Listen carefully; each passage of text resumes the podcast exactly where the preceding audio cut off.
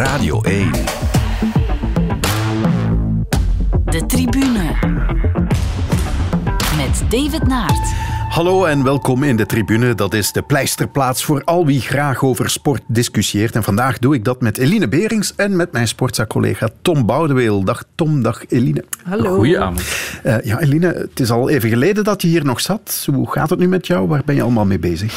Ja, dat is inderdaad uh, ja, toch een paar weken of maanden zelfs, denk zeg ik. Maanden, uh, en ondertussen is er heel wat gebeurd. Hè. Ik heb natuurlijk, ja, toen was ik denk ik echt in het afscheidnemende pensioen als topsporter. En nu zit ik vol een bak eigenlijk in, uh, in de wereld van de sportpsychologie. Uh, op heel veel vlakken, uh, zowel privépraktijk als in federaties, als recent nu ook in Sport Vlaanderen. Dus ja, een hele, heel nieuwe wending, maar heel toffe projecten. En is er nog tijd over om te sporten? Ja, maar iets te weinig. Ik moet toegeven, uh, en het is ook, ja, het is echt uh, in, plaats, in plaats van de prioriteit dat het was. Hè, de, het belangrijkste van de dag wordt het nu een beetje het einde van de dag of tussendoor een keer gaan lopen. Of, dus het is echt wel bewegen en sporten geworden en uh, alles behalve trainen op dit moment. En kom je nog wel eens op een piste? Ja, zeer regelmatig. Ik ben eigenlijk elke woensdag als sportpsycholoog actief bij de Atletiek Federatie. Dus ik loop daar sowieso nog wekelijks rond. Ehm, dus ja, en ik, ik loop, als ik ga lopen, durf ik wel ook nog een keer op de piste lopen. Ja. ja, want ik hoor zo van veel zwemmers na hun carrière, die kunnen geen zwembad meer zien. Hè? Ja, maar ja, goed. Een, een atleet is toch iets anders. Ja, een piste is geen zwembad natuurlijk. Dat is, toch een iets verdere plaats, denk ik. Ja, ja. ja, ja. uh, Tom, jij bent voor alleen van onze voetbalverslaggevers. Is er voor jou nu een periode van rust aangebroken? Oh, um, nee, niet echt, nee. Uh, met het naar het voetbal gaan wel natuurlijk. De verplaatsing maken na de twee thuiswedstrijden van de Rode Duivels. Dat is nu gedaan. Maar kijk, er zijn weer al een ploeg of zes, zeven zijn opnieuw aan het trainen. Dus uh, het is een beetje volg. We hoorden daarnet de nieuwe coach van Standaard. Dus om dat allemaal een beetje op te volgen, blijf je toch bezig. Plus, de dagen moeten gewerkt worden. Hè. Uh, ja, dat is zeker. maar, maar ja, jouw blik reikt ook verder dan het voetbal alleen. Gelukkig maar. Ja. Uh, het zou een beetje afstompend zijn om uh, elke dag met het voetbal bezig te zijn. Dus, uh, en dat... Wat kan jou nu interesseren op dit moment? Goh, ik, ik, volg, ik blijf alles volgen uiteindelijk. Um, er is zoveel koers, maar dat volg, volg, ik dan niet tot in het detail. Maar, maar kleine sporten ehm, blijven ook actief natuurlijk. en dat is het leuke eraan. Zo is het. We gaan beginnen met de momenten van de week. En eerst de keuze van Tom. Mijn doel is om, het, om wereldkampioen te worden. Ja, je gaat naar daar om te winnen. En als je niet naar daar gaat om te winnen, dan kan je beter thuis blijven. Alles begon met een mini-snoekertafel die Ben won op de plaatselijke kermis. Als ik thuis kwam, ben ik daar direct beginnen op spelen. En ik vond het al alsmaar toffer en toffer. En dan ben ik gaan vragen om echt te beginnen snoekeren. En, uh, ja, en nu speel ik nog altijd snoeker en ben ik Belgisch kampioen. En dat is eigenlijk zot, hè. Ja. Zo klonk Ben Mertens ja. bijna vijf jaar geleden op TV Oost. Maar afgelopen weekend is hij op zijn zeventiende in Albanië Europees belofte kampioen snooker ja. geworden.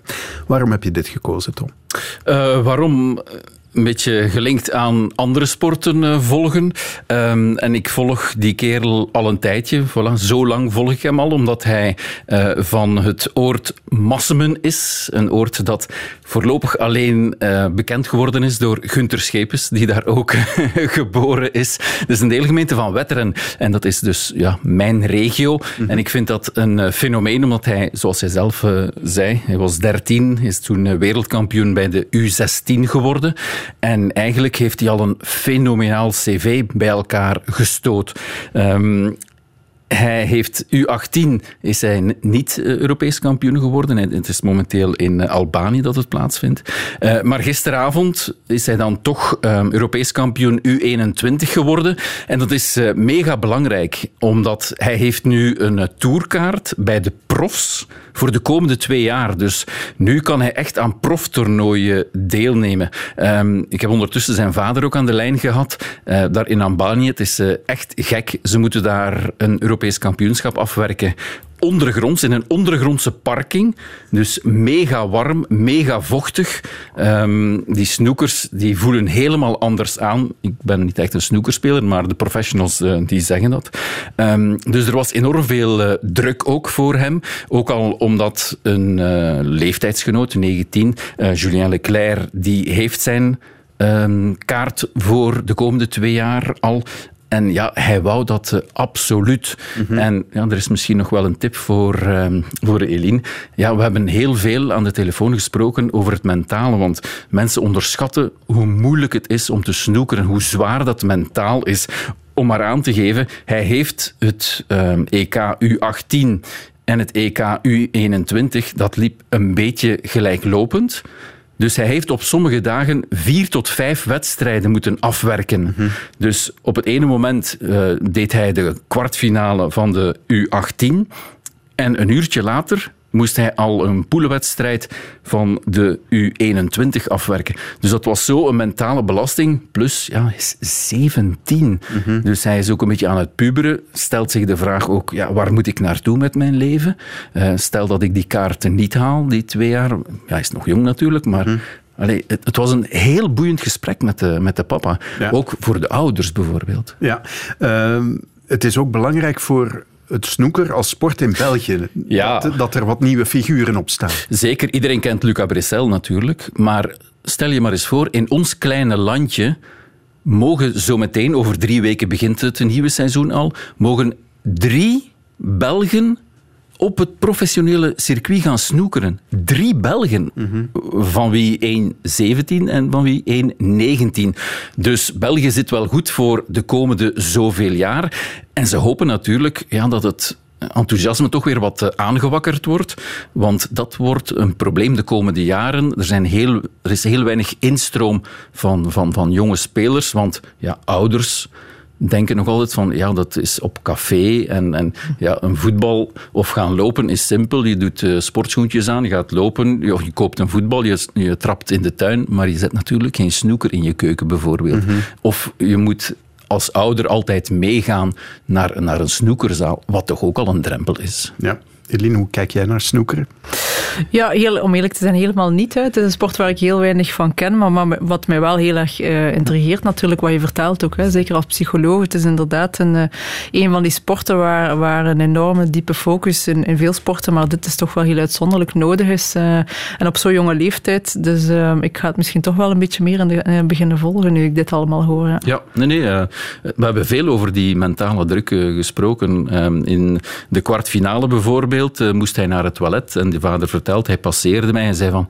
Ja, ik, zit er volledig door. Ik ben gewoon kapot. Wat begrijpelijk is op die leeftijd ook telkens. Eh, het, het afhaspelen van, eh, van die wedstrijden. En hij heeft het toch nog kunnen omdraaien bij een 3 in achterstand naar toch nog eh, winst. En dat is dan de deklik geweest om dan in de halve finale is hij erover gewalst. In de finale was het 5-1.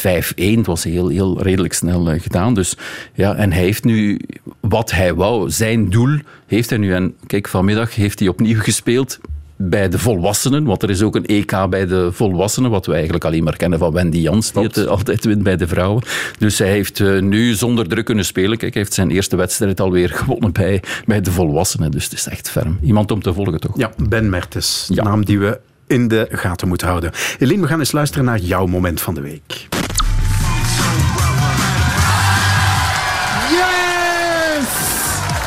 So hoch ist noch nie ein Belgier zuvor gesprungen. Der beste belgische Chapeauspringer aller Zeiten, Ben Broders.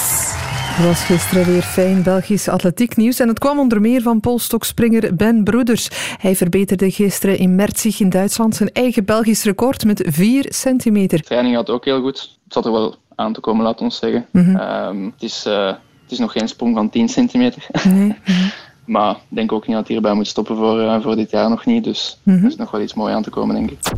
Ben Broeders ging over 5,85 meter, Belgisch record ja. voor de hand liggende keuze voor een ex-topatlete. Ja, ja, toch wel. Het blijft natuurlijk mijn, mijn sport een beetje, maar, maar toch ook wel ja. Omdat, uh, om verschillende redenen. Uh, omdat je ergens ook wel voelt dat dat wel een atleet is waar er nog wel wat meer in zit. Waar we toch wel, ja, we hebben deze zomer een EK en een WK. Dus het is toch wel een van die atleten om toch te volgen. Um, heeft deze winter eigenlijk ook al echt wel heel mooie dingen laten zien. Maar op het WK Indoor kreeg hij dan, deed hij eigenlijk ook fantastische sprongen, maar kreeg dan krampen op het moment dat hij eigenlijk ja, moment van de waarheid was. Dus je bleef zo wel wat gevoel hebben van, goh, er zit wel, er komt wel iets aan, er zit wel iets in, maar het kwam er zo nog niet uit op de juiste op de juiste momenten. Um, en nu heb je toch wel het gevoel dat hij, dat hij een klik uh, begint te maken. Ik zie hem natuurlijk ook af en toe trainen. Um, ja, Ben is iemand die echt samen met zijn coach, uh, Steven Taleman, die, die zeer, zeer... Het postdoc is zeer technisch, maar die met twee echt zeer gedetailleerd werken. Die zijn echt bezig met mijn schouder moeten één graad naar links of naar rechts of uh, met een elleboog en een voet afzetten. Het is ongelooflijk als je die bezig hoort. En net daardoor heb je zo wel het gevoel van, als die echt wel zo die stukjes bij elkaar gaat krijgen, ja, hij zegt het zelf ook. Hè. In zijn woordgebruik valt het op. Hè. Het is nog niet hè, met 10 centimeter omhoog. Dus ik heb het gevoel dat hij, dat hij wel op iets zit te broeden. Dus daardoor, daar, hè, bij de broeders, oh, dacht ik, dacht ik van, uh, ja, toch wel hè, eigenlijk naar aanleiding van de komende kampioenschappen, van het is toch wel een naam om in de gaten te houden, denk ik. Ja, hij wordt volgende week 27. Zijn beste jaren zouden er moeten aankomen nu. Hè? Ja, dat doen we dan. Hè. Altijd maar zeggen van dit zijn de beste jaren. Ik denk dat dat in atletiek toch wel vrij uiteenlopend is. Maar inderdaad, ik, ver, ik vermoed dat hij toch wel naar, stilaan naar zijn beste jaren groeit en zijn beste mogelijkheden groeit. Dus uh, ja, absoluut één om te volgen. Want uh, weinig mensen zullen dat weten, maar hij is nog Europees beloftekampioen geweest. Ja. Uh, dus ja, uh, tijd dat op een seniorenskampioenschap er nu eens iets uitkomt. Zonder dat ik al die druk meteen op zijn schouders wil leggen. Nee, maar ja. ook als ik hem zag springen, die sprong, uh, te bekijken op sportsa.be trouwens, ja, daar zit nog rek op. Hè? Ja, er zit zeker nog rek op. Hij heeft natuurlijk ook wel, ja, het polstok zit, zit echt in de lift. Hè. Ik denk die sprongen een paar jaar geleden met dit soort hoogtes, uh, zou je eigenlijk per definitie een medaillekandidaat geweest zijn. Ja, ondertussen zitten we met polstokspringers die bijna wekelijks, zeker Mondo Duplantis, uh, bijna wekelijks over de zes meter gaan, ja, dat zijn natuurlijk nog andere cijfers, hè, 5,85 of 6 meter. Dus het niveau is enorm gestegen, wat, ja, wat, zo, wat ik al een tijdje had met Ben. Van, hij wordt ook altijd beter, maar zijn tegenstanders blijven ook natuurlijk evolueren, omdat Polstok, ja, zoals ik zei, heel technisch is en daar zit een enorme evolutie in. Dus het is kwestie van hem, denk ik, om, om inderdaad nog een kleine stap te zetten, waardoor je echt wel veel stabieler wordt op die hoge hoogtes, op die hele hoge hoogtes, en dan kan je meedoen, ja. Het is ook uh, ja, een loterij is niet het juiste woord, maar een, een heel stresserende bedoeling. Uh, Zo'n kampnummer op een kampioenschap. Ten eerste moet je je eerst plaatsen voor de finale. Een misstap kan je heel duur moeten betalen. En dan in ja. die finale, ja. We hebben het vaak gezien met Renaud Lavillenie, uh, die op het moment van de waarheid niet dat goud nee, pakte inderdaad. wat hij altijd zou gewonnen hebben. Ja, het blijft ook een heel apart nummer. Hè. Jezelf zes meter de lucht in katapulteren onder druk. Het is ook, ja, je moet constant ook keuzes maken. Hè. De soorten stokken die ze gebruiken, uh, aanloop bijstellen, dat allemaal onder druk. Je ziet de concurrenten bezig. Het is ook een heel lange wedstrijd. Het is toch dus echt wel de discipline die het langste duurt ook. Ja, je hebt het daarnet bij Snoeker ook uh, uh, ja, een beetje benoemd. Van, ja, als het heel lang duurt, heb je ook heel veel tijd om te beginnen na te denken. Hoe voel ik mijzelf? Hoe, hoe zit de concurrentie eruit? Hoe hoog is het al? Uh, wat kan er nog? Dus het is toch wel een complex nummer. Wat inderdaad maakt dat er in twee richtingen, hè, dat er altijd verrassingen zijn. En dat er ook natuurlijk altijd mogelijkheden zijn daardoor. Ja, ja. Um, ja nu we toch over atletiek bezig zijn. Zullen we eens kijken naar wat jou nogal is opgevallen in het weliswaar nog redelijk jonge seizoen tot nu toe? Ja, vooral natuurlijk dat we toch wel met een heel sterke Belgische de delegatie zitten. Hè. Ik heb een heel lange carrière gehad en we zijn vaak toch met vrij kleine delegaties uh, afgereisd. Zeker naar als het over WK's ging. Mm -hmm. En ik heb daarnet eens gekeken. Er zijn op dit moment al 17 Belgen geplaatst voor het WK in Eugene. En er zijn er eigenlijk 11 die er zeer goed voor staan op de wereldranglijst. Dus ja, dan kom je toch al rap aan een ploeg van om en bij de 25 atleten als het allemaal wat meezit. Wat toch wel fantastisch is. En ja, je ziet toch wel een aantal, een aantal namen. Um, voor mij bijvoorbeeld bijvoorbeeld, wat ik heel blij ben om te zien, is Julien Watrin, die op de 400 horden helemaal lijkt uh, zijn, tweede, zijn tweede adem te vinden. Een atleet die onwaarschijnlijk veel talent heeft, maar die ook heel veel blessures heeft gehad en ook wel wat mentale problemen. En die eigenlijk sinds deze winter er helemaal door lijkt te komen. Maar een beetje hetzelfde als Ben, die dan ook deze winter op het WK Indoor heel sterk was in de reeks. Ik, uh, waarvan je dan dacht, die kan misschien wel in de buurt komen van die medailles zelfs. En het dan wel helemaal liet afweten.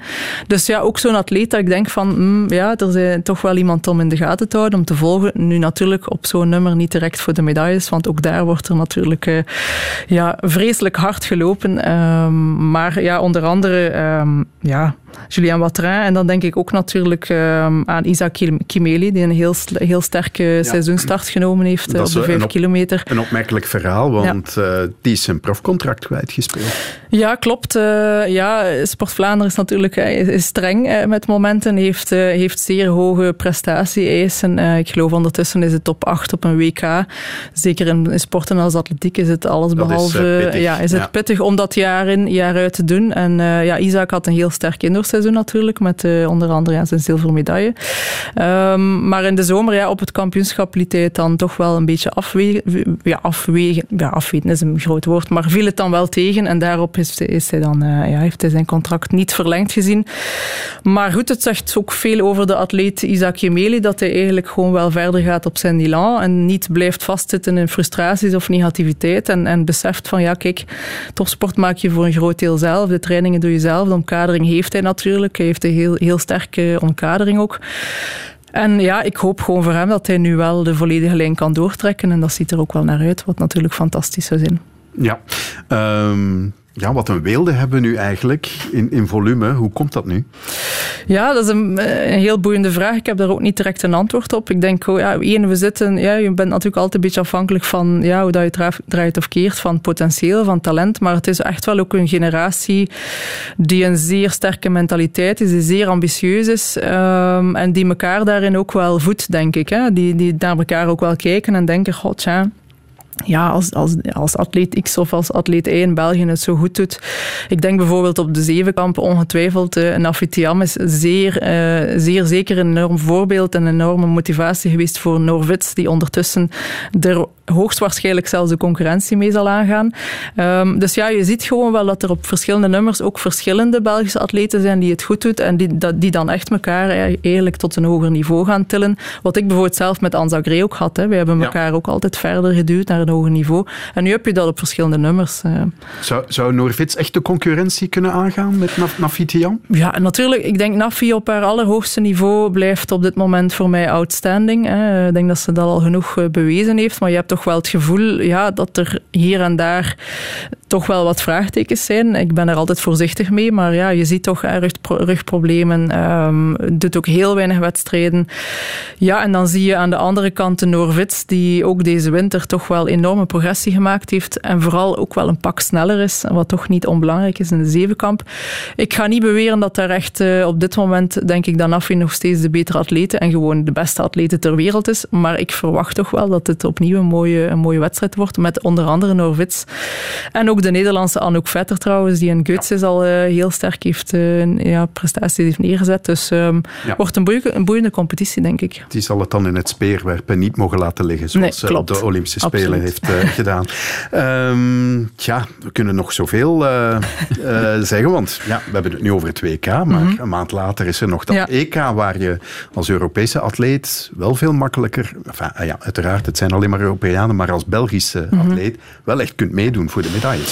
Ja, en dat toch wel mogelijkheden geeft voor inderdaad uh, een aantal jonge atleten, denk ik ook, om, om, uh, om zich te tonen en om, uh, om mee te doen op het beste niveau. Het is ook wel heel, heel moeilijk aan de andere kant om twee kampioenschappen toch vrij kort na elkaar te moeten doen. Dus ik vermoed ook sommige atleten zullen toch misschien ergens wat keuzes moeten maken qua planning. Um, mm -hmm. Maar het wordt ongetwijfeld een heel boeiende zomer, zowel in, wat de Belgen betreft als internationaal. Want mogen we niet vergeten, ook internationaal is atletiek op dit moment toch wel uh, ja, uitzonderlijk op heel veel nummers. De ja. prestaties die we zien is ongelooflijk. Uh, ja. Bijvoorbeeld onlangs nog op de 110 meter hoorde.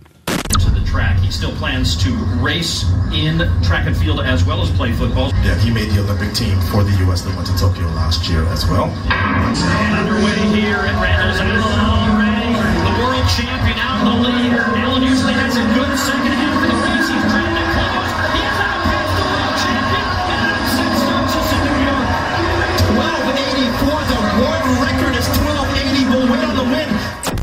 1284 voor Devin Allen, derde chrono aller tijden. Ja. Maar een bijzondere figuur. Een heel bijzonder figuur, eh, omdat hij op dit moment ook bezig is met de NFL. Hè. Hij is eigenlijk, uh, ja, heeft de, drafts, geloof ik dan noemt hij, heeft hij dat meegedaan om geselecteerd te kunnen worden voor de NFL. En is op dit moment aan het trainen voor beide. Hè. Dus is, hij zei, ja, afgelopen week had hij drie dagen of twee dagen training voor de NFL. En dan twee dagen hordentraining. En dan loopt hij eventjes 12,84 op de 110 horden, waar hij ook de, wereldrecord, de indoor wereldrecordhouder Grant Holloway toch wel serieus achter zich laat. Dus ja, een heel interessant interessant figuur om te, om te volgen. En zeker door die combinatie natuurlijk. Ja, um, ik wil het atletiek uh, thema hier afsluiten met iets wat je mij nog stuurde, wat mij nog helemaal niet opgevallen was. Um, de outfits van de atleten. Back to the 80s. ja, back to the 80s. Ja, ik vond het wel een leuke. Uh, sowieso, de, de, vrouwen, de tijden van de vrouwen doen stilaan aan de 80s denken, met toch wel ja, de legendarische wereldrecord van Flojo, Florence Griffith, die erom bekend stond om zeer flamboyante outfits, zeer lange nagels. En je ziet uh, vooral de Amerikaanse Sha'Carri Richardson, die daar echt wel lijkt een voorbeeld aan te nemen die qua tijden, qua woorden denkt dat ze al die tijden loopt, maar toch wel nog een beetje moet, uh, moet bijtanken, vermoed ik. Maar die natuurlijk zeker in Amerika razend populair is en natuurlijk de fashion weer into track and field brengt. Uh, wat op zich, ja, je kan daarvoor of tegen zijn, maar het brengt wel kleur natuurlijk in de atletiekwereld. Ja, en dat doet altijd deugd, hè? Absoluut. De tribune. Tijd dan voor voetbal en de Nations League. Je zou kunnen zeggen belangrijke wedstrijd, want de Belgen hebben al veel krediet verspeeld met die thuisnederlaag tegen Nederland. Ik bedoel dan om de Final Four te halen volgend jaar in juni. Die zou dan worden georganiseerd in uh, Brussel. Dus wat dat betreft moeten ze eigenlijk nog twee keer winnen en hopen dat Nederland het tegen Polen straks op, dezelfde, op hetzelfde moment uh, niet goed genoeg doet. U kent de statistieken van de Belgen, ze zijn moeizaam tegen uh, Wales.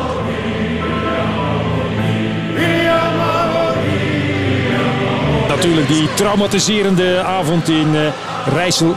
Die kent iedereen nog. Grossard met Batshuayi. Probeert zich vrij te maken. Daar nu de goal. Ja, zeker. Het is Juri Tielemans die hem erin legt. De drie vervangingen bij Wales hebben toch uh, voor Wales wat meer animo gezorgd. En de vervangingen bij de Belgen, ja, die hebben toch niet uh, een meerwaarde gebracht tot nu toe. Daar komt Williams en Ramsey neemt hem mee. Kan hij besluiten? Nee. En daar is de goal. Ja, zeker. Het is het einde van de wedstrijd. En eigenlijk hebben ze het niet gestolen, de. Nee. Over de hele match verdienen ze gewoon een punt in de TDF. Dinsdag spelen de nog overgebleven Rode Duivels nog een laatste Nations League-wedstrijd in Polen. Daarna kunnen ook zij met vakantie. Ja, Tom, met uh, al die mannen die er nu niet meer bij zijn, mm -hmm. hoe kijk je nog naar die wedstrijd in Warschau? Goh, uh, ik zou zeggen, uh, wat kunnen de anderen? Wat kunnen de jongens die nog niet hebben gespeeld of van wie we toch iets verwachten binnen dit en één of twee jaar? Dus de nieuwe generatie die moet opstaan. Nederland heeft in Wales ook met zijn B-team gespeeld. Dat is een beetje eigen aan de Nations League, denk ik, want niemand kan vier wedstrijden op twaalf dagen met zijn basisteam spelen. Dus dat lijkt me dan het positieve punt dat uh, Roberto Martinez dan toch eens wat nieuwe mensen moet inschakelen. Ja, inderdaad. Nochtans was hij een van de mensen die ja, de Nations League niet hoog genoeg kon inschatten. Hè? Want dat was belangrijk. Dat is een kans om een prijs te pakken. Ja, dat is de kans om een prijs te pakken, inderdaad. Maar ik zie het uh, dan anders. Het zijn wedstrijden in principe tegen uh, gelijke tegenstanders. Uh, de uitdaging om toch tegen goede tegenstanders te spelen en niet tegen wat kleinere naties. Het enige nadeel is natuurlijk dat je zeker in 2022, 2023 ontiegelijk veel wedstrijden hebt. Tot, we hebben het daarnet nog eens bekeken, tot half juni volgend jaar. Dan pas eindigt de Belgische competitie. Voilà. Ja. En dan moet moeten ze nog eens een internationale break doen. Als je gewoon vriendschappelijke wedstrijden afwerkt, dan kan je misschien één of hoogstens twee wedstrijden inplannen en dan nog eens wat jongens thuis laten. Maar nu ja, gaat het toch om de knikkers, gaat het toch om ja, wedstrijden om op de eerste plaats te eindigen of om misschien niet te degraderen. Dus er is altijd inzet en als je dat eh, legt meteen na een zware competitie, vier wedstrijden op twaalf Hmm. dagen, dat lijkt me redelijk moordend. Ja, het is eigenlijk onbegrijpelijk dat dat gebeurt. Money rules, hè? dus uh, iedereen moet mee. De spelers worden ook uh, meer en meer betaald. Zij profiteren daar uiteindelijk uh, ook van, want ik hoor het Kevin graag zeggen. het is moeilijk, maar ja, hij verdient daar ook zijn centen mee natuurlijk. hij moet ook betaald worden. En, en ja, het is de vicieuze cirkel uiteindelijk. Maar ja, als je het programma bekijkt dat die gasten moeten afwerken, ja, dat is eh, eigenlijk niet te doen. Uh, Eline, ik kan me inbeelden, zo'n eindeloos lang seizoen, dat dat niet alleen fysiek, maar ook mentaal bijzonder belastend moet zijn. Ja, ik denk zeker op de twee niveaus. Hè. Fysiek uh, ongetwijfeld, omdat je, en ook de vraag is, wanneer train je dan nog? Hè? Als je eigenlijk week in, week, week uit, als je twee, drie matchen per week moet spelen, dan komt er van trainen gewoon heel weinig in huis, wat ook maakt dat je dan heel moeilijk een bepaalde vorm kan houden, dus dan in een soort reserve gaat, als je blessures oploopt, dus dat één. En ook inderdaad mentaal, uh, zeker als er dan een aantal belangrijke matchen zijn, zoals je vertelt, heb je toch altijd wel wat ontlading. Of, of, of ook als er teleurstellingen zijn. En je hebt eigenlijk quasi geen tijd om, daar, uh, om daarmee om te gaan. Uh, het is uiteraard niet nodig om daar altijd twee weken van te bekomen, maar dit is wel, denk ik, op, de beide, op, de, ja, op beide vlakken heel, heel intensief. Ja. Plus je hebt ook de verplaatsingen. Ja. Bij ons klagen ze als ze met de bus naar Eupen moeten, maar ja, in Frankrijk doen ze bijna alle verplaatsingen met het vliegtuig, ook in Engeland. Dus dat komt er ook nog eens bij. Wat ze nu gedaan hebben, ze zijn teruggekeerd naar Tubeke, hebben hier deze ochtend even getraind en zijn deze middag alweer vertrokken naar Polen. Dus ja, als je, ze zullen wel wat ruimer zitten dan wij dat wel. Maar het is toch elke weer, eh, die verplaatsing is geen tijd voor eh, rust. Dat is ook het probleem natuurlijk. Ondertussen zijn we wel al op vijf maanden van de start van de Wereldbeker in Qatar. Waar staan de Belgen nu? Ja, waar staan ze? Dat is een goede vraag eigenlijk. Um, ik zie het uh, niet uh, zo positief in omdat, uh, je kan wel zeggen, het zijn maar wedstrijden voor de Nations League, maar ja, ik zie toch uh, bepaalde dingen terug die we ook in kwalificatiewedstrijden tegen mindere tegenstanders hebben gezien. En het doet altijd pijn om te verliezen tegen Nederland. En ja, het was een redelijke nachtmerrie. Maar als je door de uitslag kijkt, die op zich al redelijk dramatisch is, ja, dat baart mij toch grote zorgen. Zorgen die ik eigenlijk al had tegen de kleine tegenstanders. Ik bedoel dan veel kansen tegenkrijgen, de nul niet meer kunnen houden. En vooral, wat mij opgevallen is, tegen Nederland. En dat viel mij de voorbije jaren ook al op, maar toen werd alles met de mantel der liefde bedekt, omdat ze natuurlijk veel wonnen. Van het moment dat een tegenstander druk zet op België, ja, dan komen we zo hard in de problemen. Dat hebben we tegen Nederland gezien. Er, er zijn gewoon geen patronen. En dan vraag ik mij af, want ik zou graag de trainingen zien van Roberto Martinez. Wordt daarop getraind? Maar dan ook met meer dan de drie. Want als je theater bezig ziet tegen uh, Wales, dan zie je gewoon hetzelfde wat tegen Nederland ook gebeurd is. Hij kon de bal niet vooruitspelen. Het enige wat hij gedaan heeft, is de bal breed leggen en terugspelen naar de doelman. Dus dat is een groot probleem. Het was nu tegen Wales en we kwamen onder druk en we konden gewoon niet voetballen. Het was maar Wales, hè? Voilà. Wat bedoel je? Ja. Dus als de tegenstander, wat Van Gaal, een fantastische coach, wel goed heeft gezien, is gewoon vastzetten. En we geraakten gewoon niet aan, uh, we kwamen gewoon niet aan uh, voetballen toe. Mm-hmm. Dus dat baart mij enorme zorgen. Mm-hmm. En dan zegt iedereen, ja, maar tegen Polen, kijk eens aan, 6-1. Maar ja, heb je gezien hoe de Polen speelden? Ik bedoel, Polen speelden zoals de meeste tegenstanders de voorbije zes jaar hebben gespeeld. Iedereen achteruit, we laten Lewandowski voorin en we gaan verdedigen. Ja, dan is België op zijn best ook natuurlijk. Omdat je Kevin De Bruyne hebt, omdat die de steekballetjes kan geven, omdat de flanken hoog kunnen staan en niet mee moeten verdedigen. Mm -hmm. Wat een probleem is nog altijd voor Carrasco. De eerste goal kwam zo tot stand, de tegengoal. Dus ja, ze hadden geen snelle spitsen, ook de Polen. Wat Nederland wel had. Afvallende spits, diepgaande spits. En daar heeft onze verdediging, mm -hmm. plus Witzel, het uh, enorm, daar hebben ze een groot probleem mee. En dan komt Kevin De Bruyne ja. de bal ophalen, zag je ook in Wales, tussen de centrale verdedigers. Maar dan mis je hem waar hij moet zijn. Ja. Daarom verbaast het mij ook dat hij Kevin De Bruyne tegen Nederland doorschoof ja. naar diep in de punt. Terwijl je hebt hem nodig om mensen te bevoorraden. Dus dat is het groot probleem. En als je niet Courtois op niveau hebt, als je niet De Bruyne, Hazard en Lukaku op niveau hebt, en nog een goede flank, wat Meunier momenteel ook niet is, dan kom je gewoon in de problemen. België is groot geworden omdat iedereen op hetzelfde moment op zijn top was, omdat iedereen speelde, met veel plezier kwam naar de Rode Duivels, omdat ze wisten van we zitten in onze comfortzone. Roberto Martinez, uitstekende people manager, liet hen doen. En toen waren ze op hun best. Maar ondertussen, ja, Hazard, komt hij ooit nog op zijn topniveau? Dat ik was denk het eh, niet. de volgende vraag die ik wou stellen. Want het is toch opvallend hoe wisselvallig die presteert. Terwijl, ja, na dit seizoen kan hij niet vermoeid zijn. Nee, maar moeten wij Eden Hazard eh, speeltijd geven om klaar te zijn voor Real Madrid? Ik verstond niet, je speelt tegen Nederland. Dat is de allereerste wedstrijd van een nieuwe campagne van de Nations League, die alles bepaalt. Want als je wint, ben je mee in de flow. We gaan ervan uit, heel chauvinistisch, we, de Rode Duivels, winnen in principe twee keer tegen Wales. Nederland doet dat in principe ook. België wint in principe twee keer tegen Polen. Ik ben nu heel chauvinistisch. Hè? Nederland wint in principe twee keer tegen Polen. Dit Nederland, wat aan het komen is. Ja, dan lijkt mij een thuiswedstrijd als openingswedstrijd in de poelen redelijk belangrijk. Als je dan op toch een paar sleutelposities Meunier zet die niet heeft gespeeld, als je Eden Hazard zet die drie jaar niet heeft gespeeld, hmm, Ja. dan start je niet in je sterkste opstelling en verlies je de eerste wedstrijd en hypothekeer je eigenlijk de hele campagne en de sfeer er ook rond. Los van het feit dat het voor het publiek de belangrijkste wedstrijd van maanden, jaren is. Ja. Dus dat vond ik heel bizar. Je bent bezorgd Ja. met het oog op Qatar. Zeker. Tricky groepsfase.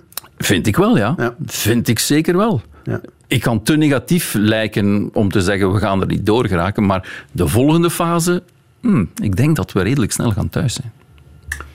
Wait and see. Zeker. Over de Nations League nog, eh, om dat thema af te ronden. Ehm, als ik zo die uitslagen doorneem, Mhm. de groepen ook, het valt mij op dat eigenlijk geen enkel land zijn stempel kan drukken op deze Nee, klopt. Nations League. België is heus het enige topland niet dat steken laat niet. vallen. Nee, maar dan komen we terug bij de lange competities, denk ik. En bij de motivatie van eh, veel spelers. Ja, in België zijn ze alweer aan het trainen. Straks begint alles weer, wordt alles, ook de Champions League, gepropt in een eivol schema.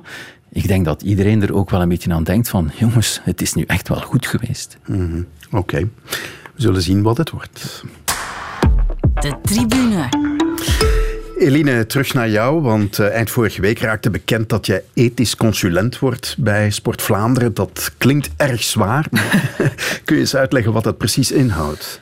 Ja, dat is ten eerste al zeker eh, niet de bedoeling om het erg zwaar, maar het zijn natuurlijk zware woorden. Zeker in, in, in eh, de sportcontext. ethiek en, topsport is vaak eh, een moeilijke combinatie. Maar net daarom, ja, Sport Vlaanderen zet heel erg in op integriteit en ethiek, ook in topsport. En, en wil daarmee aan de slag. En ze zochten iemand met toch wel enige ervaring en affiniteit met dit soort onderwerpen. En, en zo ja, ben ik daar terechtgekomen. Eh het is natuurlijk voor mij, ja, ik ben een volle opstart. Dus het is ook allemaal nog een beetje zoeken en uitzoeken.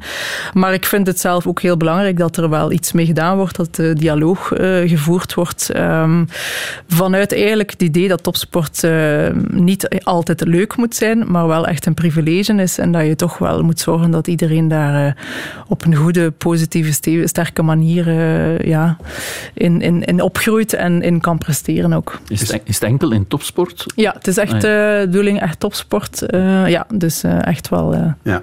Is Sport Vlaanderen bij jou komen aankloppen of hebben jullie elkaar eigenlijk spontaan gevonden daarin? Er is een, eh, nee, er is een, een eh, allee, ik heb moeten solliciteren, een sollicitatieronde geweest en een proces geweest om, eh, om inderdaad een, de beste kandidaat te vinden. Ehm, dus ja, er is wel een, een, een tijdje overgegaan en dan op een bepaald moment heb ik het nieuws gekregen dat ik de functie kon inkleden. Ja.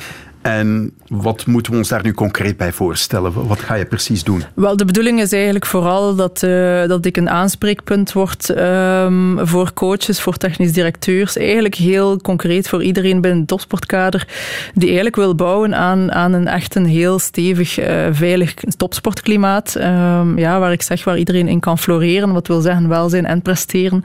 Ehm, en, en eigenlijk, ja, zeker na de verhalen die er ook geweest zijn, ook na de getuigenissen, ook de lopende vrijblijvende zaken die er zijn, merk je dat er gewoon ook heel veel vragen zijn. En vooral ook, ja, hoe moeten we het dan wel doen? Hè? Hoe pak je dat aan? Hoe zorg je er inderdaad voor dat elke topsporter in zijn, in zijn context, in, zijn, in de verschillende persoonlijkheden, de verschillende, ja, allerlei eh, coaches. Uh, er zijn zoveel varianten dat er eigenlijk heel veel vragen zijn binnen, ja, bij technisch directeurs, bij coaches van, goh, ja, wij hebben eigenlijk wel wat advies nodig. Hoe kunnen we dat nu best aanpakken? En dan ben ik eigenlijk de persoon om daar samen mee te gaan kijken. Welke vragen zijn er en waar kan eigenlijk mee aan de slag gegaan worden? Ja, want ik vroeg, is het enkel voor topsport? Omdat ja, ik zit in een uh, voetbalclub in Provinciale bijvoorbeeld. Ja, daar is dat hetzelfde. Um, Er wordt gewerkt met uh, API's, aanspreekpunt uh, integriteit.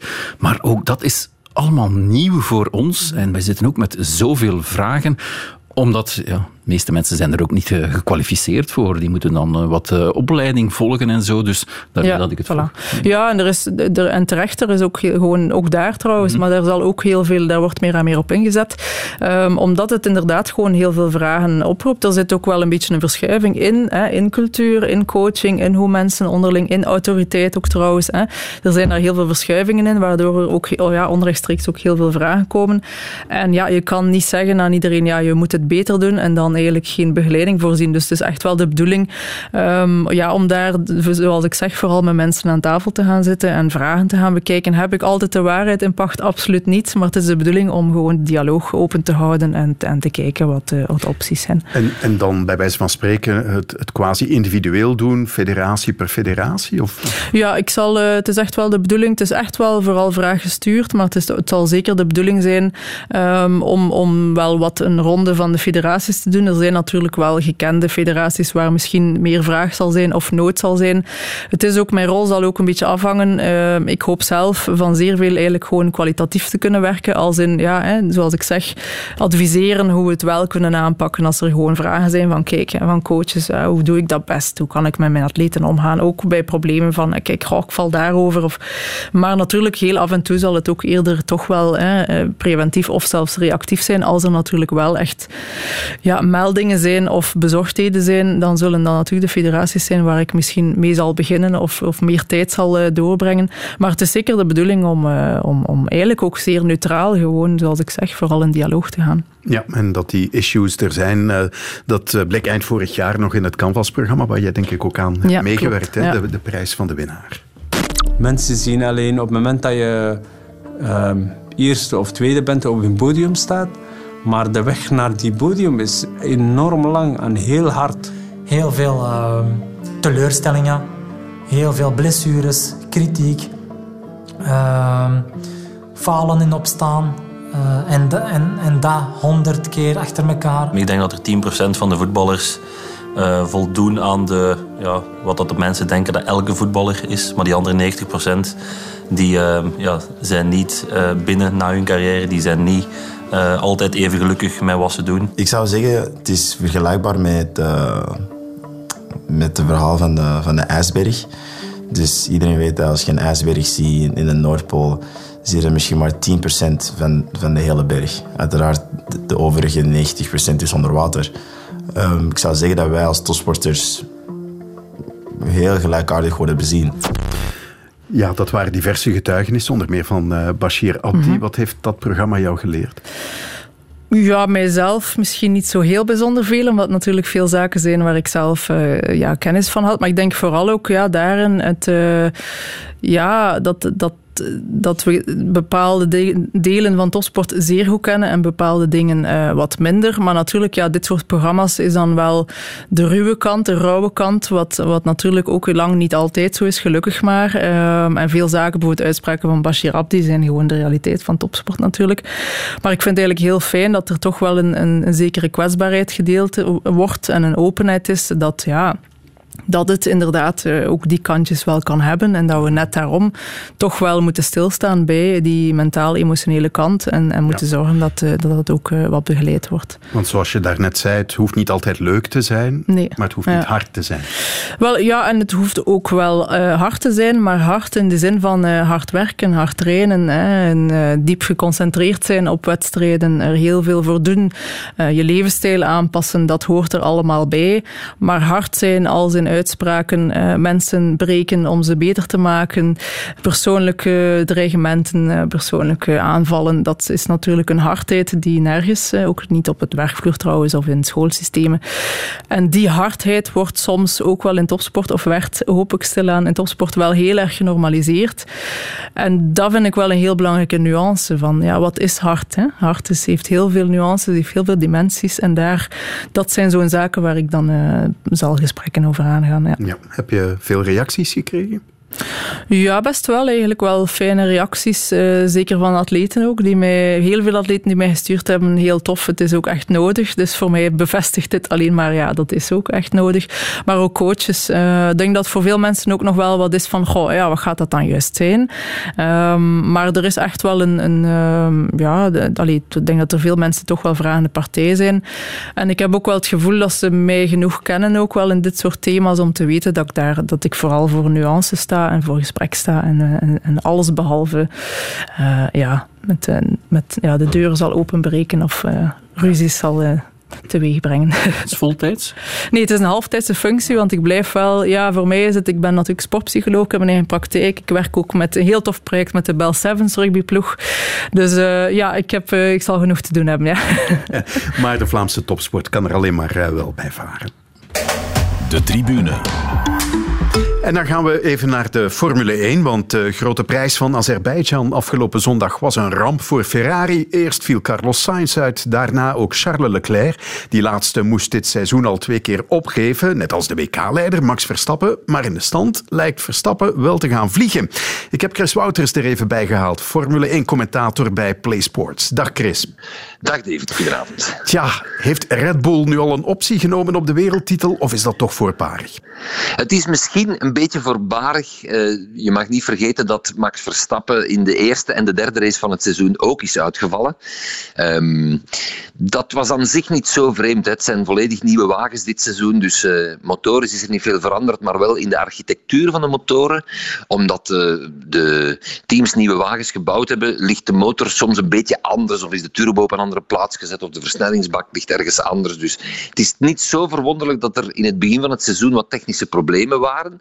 Wat wel vreemd is, is dat Ferrari de eerste zoveel races totaal geen enkel probleem gekend heeft. Dus dat ze nu plots twee races achter elkaar of drie races achter elkaar wel problemen hebben, dat is wel een beetje zorgwekkend, denk ik, voor hen. En heb je zicht op de aard van de problemen bij Ferrari? Het waren gisteren ook twee verschillende dingen. Hè? Als je naar Ferrari zelf kijkt, uh, Sainz hydraulische problemen. Bij Leclerc was het echt de motor.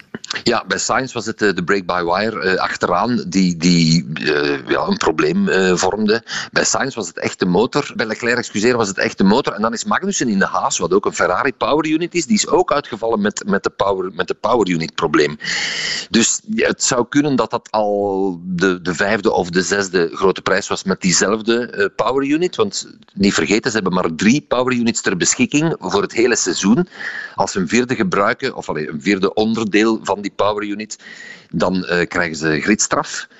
Dus ja, je weet het gewoon niet. Um, het is in elk geval zorgwekkend dat ze, dat ze nu, net nu Red Bull stilaan blijkt alle technische problemen tenminste onder controle te hebben. Um, ja, is het Ferrari zijn beurt. Dat is, dat is zorgwekkend, maar dat maakt het wel leuk in het kampioenschap natuurlijk. Hè. Dat is zo, al kan die kloof natuurlijk snel groter worden als dit nog een keer zou gebeuren. Dat is waar, dat is waar. Aan de andere kant kan ze ook snel kleiner worden. Um, Zo is het. Ik denk vijf races geleden stond Leclerc nog 46 punten voor Max Verstappen. Hè. Dus ja, een foutje van de rijder zelf of één keer een motorisch probleem, het, het kan snel keren. Het is 25 punten per race, dus het is echt vroeg om te zeggen dit is een definitieve kloof. De problemen bij Ferrari, dat is één ding wat we gaan onthouden van die wedstrijd in Baku. Het andere was alweer dat stuiteren of de porpoising. Hè. En dat was op dat hobbelige stratencircuit echt wel een gigantisch probleem bij Mercedes. We hebben het allemaal gezien. Lewis Hamilton die raakte met moeite uit zijn wagen. Zijn rug had erg geleden onder de wedstrijd. Ja, jij, jij rijdt zelf ook, Chris, jij race. Dat gestuiter, dat, dat kan dus echt wel heel veel vergen van een lichaam. Ja, racen sowieso is, uh, is bijzonder zwaar op het lichaam. Die Formule 1-piloten zijn van de best getrainde atleten in de wereld. Daar mag je van op aan. Um, ja, wij racen met Porsche. Daar is geen sprake van grondeffect, nog van stuiteren. Maar zelfs dat, die racewagens zijn niet zachtjes uh, opgehangen. Hè. Dat is keihard afgesteld. Als je daar dan dat stuiter nog bijtelt, en je ziet dat ook op de beelden, je ziet dat hoofd en die helm echt heen en weer stuiteren, dat moet verschrikkelijk zijn. Sowieso in een Formule 1-wagen liggen die rijders bijna neer.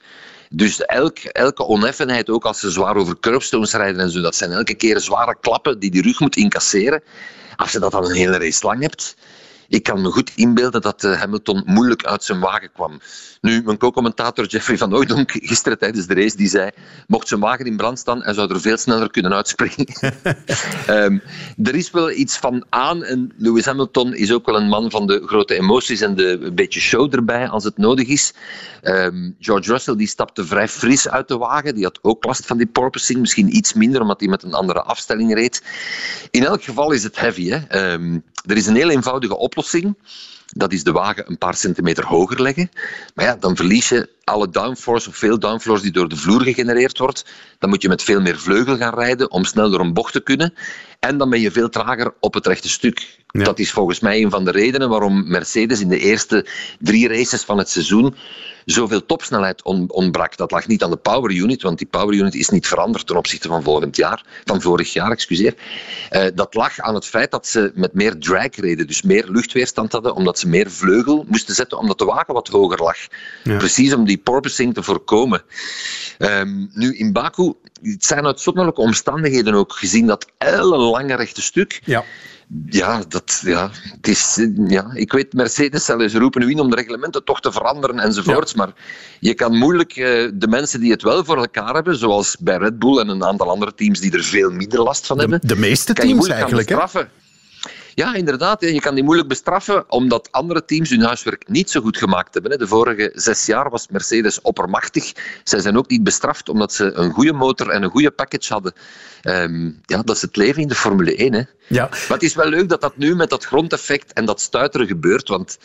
Ja, we kennen dat vanuit de jaren tachtig, toen de wagen met van die skirts reden naast, uh, na, naast de wagen, om echt een soort luchtledig uh, stuk te ontwikkelen onder de wagen, die dan echt aan de grond gezogen werd. Um, toen, is dat, toen is dat porpoising ook gebeurd. Hè. Daar hadden wagens ja. daar ook last van. Um, ik, ik vind het wel leuk, want dat zijn dingen die je niet in een windtunnel kan simuleren. Uh, dus je, je, merkt dat pas als je op de piste zit. En dan heb je ja, knappe koppen en engineering nodig. Ik twijfel er niet aan of er zitten bij Mercedes heel knappe koppen in de fabriek. Maar het blijkt toch echt bijzonder moeilijk om dat onder controle te krijgen. Ja. Is er ook een veiligheidsrisico mee gemoeid, vraag ik me af. Want George Russell zei dat bijvoorbeeld. Hè? Ja, ja, inderdaad. Uh, het, het zou kunnen dat je bijvoorbeeld dingen minder goed gaat zien. Uh, in de free practice werd Lewis Hamilton in Azerbeidzjan aangemaand om niet over de lijn te rijden van de pitlane ingang. Want als je daarover rijdt, in theorie moet je dan ook de pitlane binnenrijden. Ja. Uh, en hij antwoordde, ik zie die lijn gewoon niet. Ik ben zo hard aan het stuiteren dat ik die lijn niet kan spotten. Dus je kan je dan ook inbeelden dat er andere mogelijke risico's zijn, of dat de wagen Baku is dan nog een bumpy uh, circuit, gewoon uit zichzelf al. En dat, dat versterkt dat, uh, dat stuiter nog een beetje extra. Dus ja, je kan je wel inbeelden dat er een wagen zodanig in onbalans geraakt dat hij dat die een crash heeft of zo. Maar daar weer, als ze hun wagen hoger leggen, hebben ze daar geen last van, maar dan zijn ze te traag. Dus het is altijd een beetje die, ja, de uitersten opzoeken van wat kan de wagen aan, wat kan de rijder aan. In dit geval zijn ze bij Mercedes misschien een beetje te ver gegaan. Maar hadden ze de afstelling anders uh, uh, gemaakt, was Lewis Hamilton nooit vierde geworden, dan was hij misschien tiende of twaalfde geweest. Ja. Um, je zei het daar net eigenlijk al. Um, ja, er was misschien een, beetje extra dramatiek mee gemoeid. De manier waarop Hamilton uit die wagen kwam met veel moeite. Hij liet toen nog in het midden of hij wel in Canada zou uh, kunnen racen volgende wedstrijd. Ondertussen heeft hij bevestigd dat hij dat wel degelijk gaat doen. Maar is dat effectief een, tactiek van Mercedes om, om toch ja, de organisator van het kampioenschap aan te manen om dat uh, reglement niet nog eens uh, vier jaar te houden zoals het nu is? Alle middelen, David, zijn goed om uh, de reglementen aan jouw kant te krijgen. Zo gaat dat in de Formule 1. Hè. Ja. Uh, alle teams zullen alle mogelijke dingen gebruiken om, om wat voordeel te halen. Uh, ik denk niet dat de FIA eraan twijfelt om, om, de, om de reglementen te veranderen of zo, ik, of niet te veranderen. Ik denk dat alles bij het oude zal blijven. De, mochten nu alle wagens zonder uitzondering daar problemen mee hebben, en dat zou gevaar opleveren, dan zouden ze het wel aanpassen. Maar ja, op dit moment is het enkel Mercedes die er op die manier last van heeft. Hè. Andere teams hebben ook last van dat stuiteren. Ferrari onder meer, die stuiterde ook behoorlijk, maar op een of andere manier boeten zij er geen rondetijd bij in. Dat was ook in de eerste races van het seizoen zo. En hun rijders hebben er ook minder last van, blijkbaar. Ja, ik, eh, het is koffie die kijken, maar ik, ik denk niet dat ze snel iets aan de reglementen gaan veranderen. Oké. Dan uh, gaan we dat seizoen voor de rest verder op de voet volgen. Samen met jou, Chris. Bedankt. Graag gedaan, David. Radio 1. De tribune. We hebben nog een paar minuutjes en uh, ik zou het willen hebben nog over voetbal, Tom. En meer bepaald de trainers. Uh, het heugelijke nieuws dat Standaard eindelijk een trainer heeft. Ja. Op de dag dat uh, de spelers zich mochten melden op de club. Ja, nu nog goede spelers zeker. Hè? Ja. Want hij wil al meteen weer de, de top bestormen, maar dat zal dan toch met andere spelers moeten zijn. Dus die zullen nog moeten gezocht worden, denk ik, door de nieuwe investeringsmaatschappij. Het gaat daar allemaal zo traag. Hè? Want ik vind dat toch vreemd dat een, een, trainer pas aangekondigd wordt op de dag dat de spelers hun medische en fysieke tests moeten afleggen. Nou, ja, blijkbaar uh, hebben de onderhandelingen dan toch uh, lang aangesleept. Want uh, uiteindelijk, de eerste keer dat de naam van de nieuwe coach werd genoemd, dat is toch al een paar weken geleden. Dus het zal allemaal wat ja. aangesleept hebben. Standaard heeft Amerikaanse eigenaars. Ze zijn de coach ook bij een Amerikaanse club ja. gaan zoeken. ja, wat vind je van die keuze? Ronnie Deila is dus zijn naam. Ja, ik kampioen gespeeld met Celtic voilà. twee keer. Dus um, in Noorwegen ook. Ik heb altijd een beetje... Ik ben altijd een beetje... Uh, toch een beetje uitkijkend naar buitenlandse coaches. Maar er zijn uh, coaches gekomen naar België met een veel minder cv. Dus uh, die kerel is wel nationaal kampioen geworden. heeft in Schotland is hij aan het werk geweest bij, bij, bij Celtic. In Noorwegen heeft hij toch heel wat leuke dingen gedaan. Dus ja, hij is 748. Dus het is al iemand die het vak heeft geleerd, ook in het buitenland. Dus ik kijk er wel naar uit, want het is iemand met een mooi cv. Er zijn er al andere geweest natuurlijk. Ja. Um, Karel Geraerts, dat wordt de vervanger, of hij wordt de vervanger van Felice Mazou bij Union. Ik denk dat jij daar ook naar uitkijkt, hoe hij het ervan terecht zal brengen. Zeker omdat het een ander figuur is. Uh, Mazou is een enorme motivator, een, een vaderfiguur, terwijl ik Karel Geraerts nooit echt extravert heb gevonden. Dus ik ben wel benieuwd hoe hij die groep gaat enthousiasmeren. Ook al omdat hij wel heel wat uh, zelfstandigheid heeft uh, gekregen van Mazou. Heeft uh, zelf ook veel mogen coachen. Als hij bij Mazou kwam aan de zijlijn, ja, was het toch altijd in overleg. Dus, maar als T2 in je eigen team, in je eigen club doorschuiven naar T1 is altijd gevaarlijk natuurlijk. En de vraag zal ook zijn met welk materiaal zal hij moeten werken.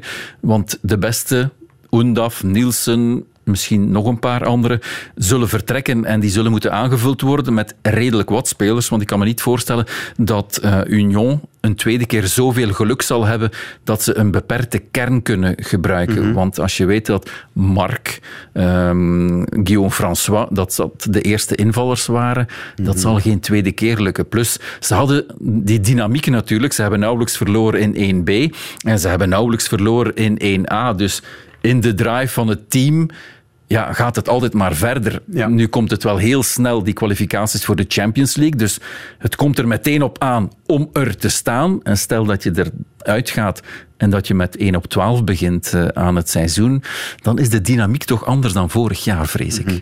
Maar anderzijds, hij heeft zich wel rustig kunnen ontwikkelen. Een beetje zoals Karel Hoefkes ook bij Club. Zeker weten. En daarom kijk ik er naar uit. Omdat het één Belgen zijn en omdat het uh, gasten zijn die zich hebben kunnen ontwikkelen. Wat we bijvoorbeeld van een Vincent Compagnie niet kunnen zeggen. En die heeft fouten gemaakt. Eigenlijk fouten die je bij een belofteploeg of bij een jeugdploeg, waar je ervaring kan opdoen als coach. Hij heeft die ervaring mogen opdoen bij een eerste elftal. Maar ik vrees dat hij bij Burnley niet die zal krijgen. En ik ben benieuwd hoe hij zijn voetbal zal introduceren bij een team dat kick-and-rush voetbal heeft gespeeld. Dat dus een nieuw DNA zal moeten creëren.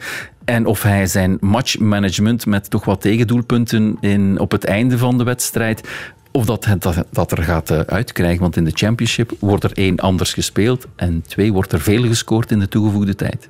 En daarmee zijn we bijna klaar, maar toch nog tijd voor de slotvraag. Waar kijken jullie op sportief gebied nog naar uit deze week? Eline. Wel, voor mij, voor één keer is het eigenlijk binnen twee weken, maar is het EK van de Bell, Bell Sevens, de rugbysche Seven uh, vrouwenploeg uh, in Lisambol. En Tom, heel kort? Uh, gewoon naar de koers in mijn eigen dorp. Geniet ervan. Bedankt dat jullie er waren, Eline en Tom. Dit was de tribune. Volgende maandag zijn we er opnieuw. Tot dan.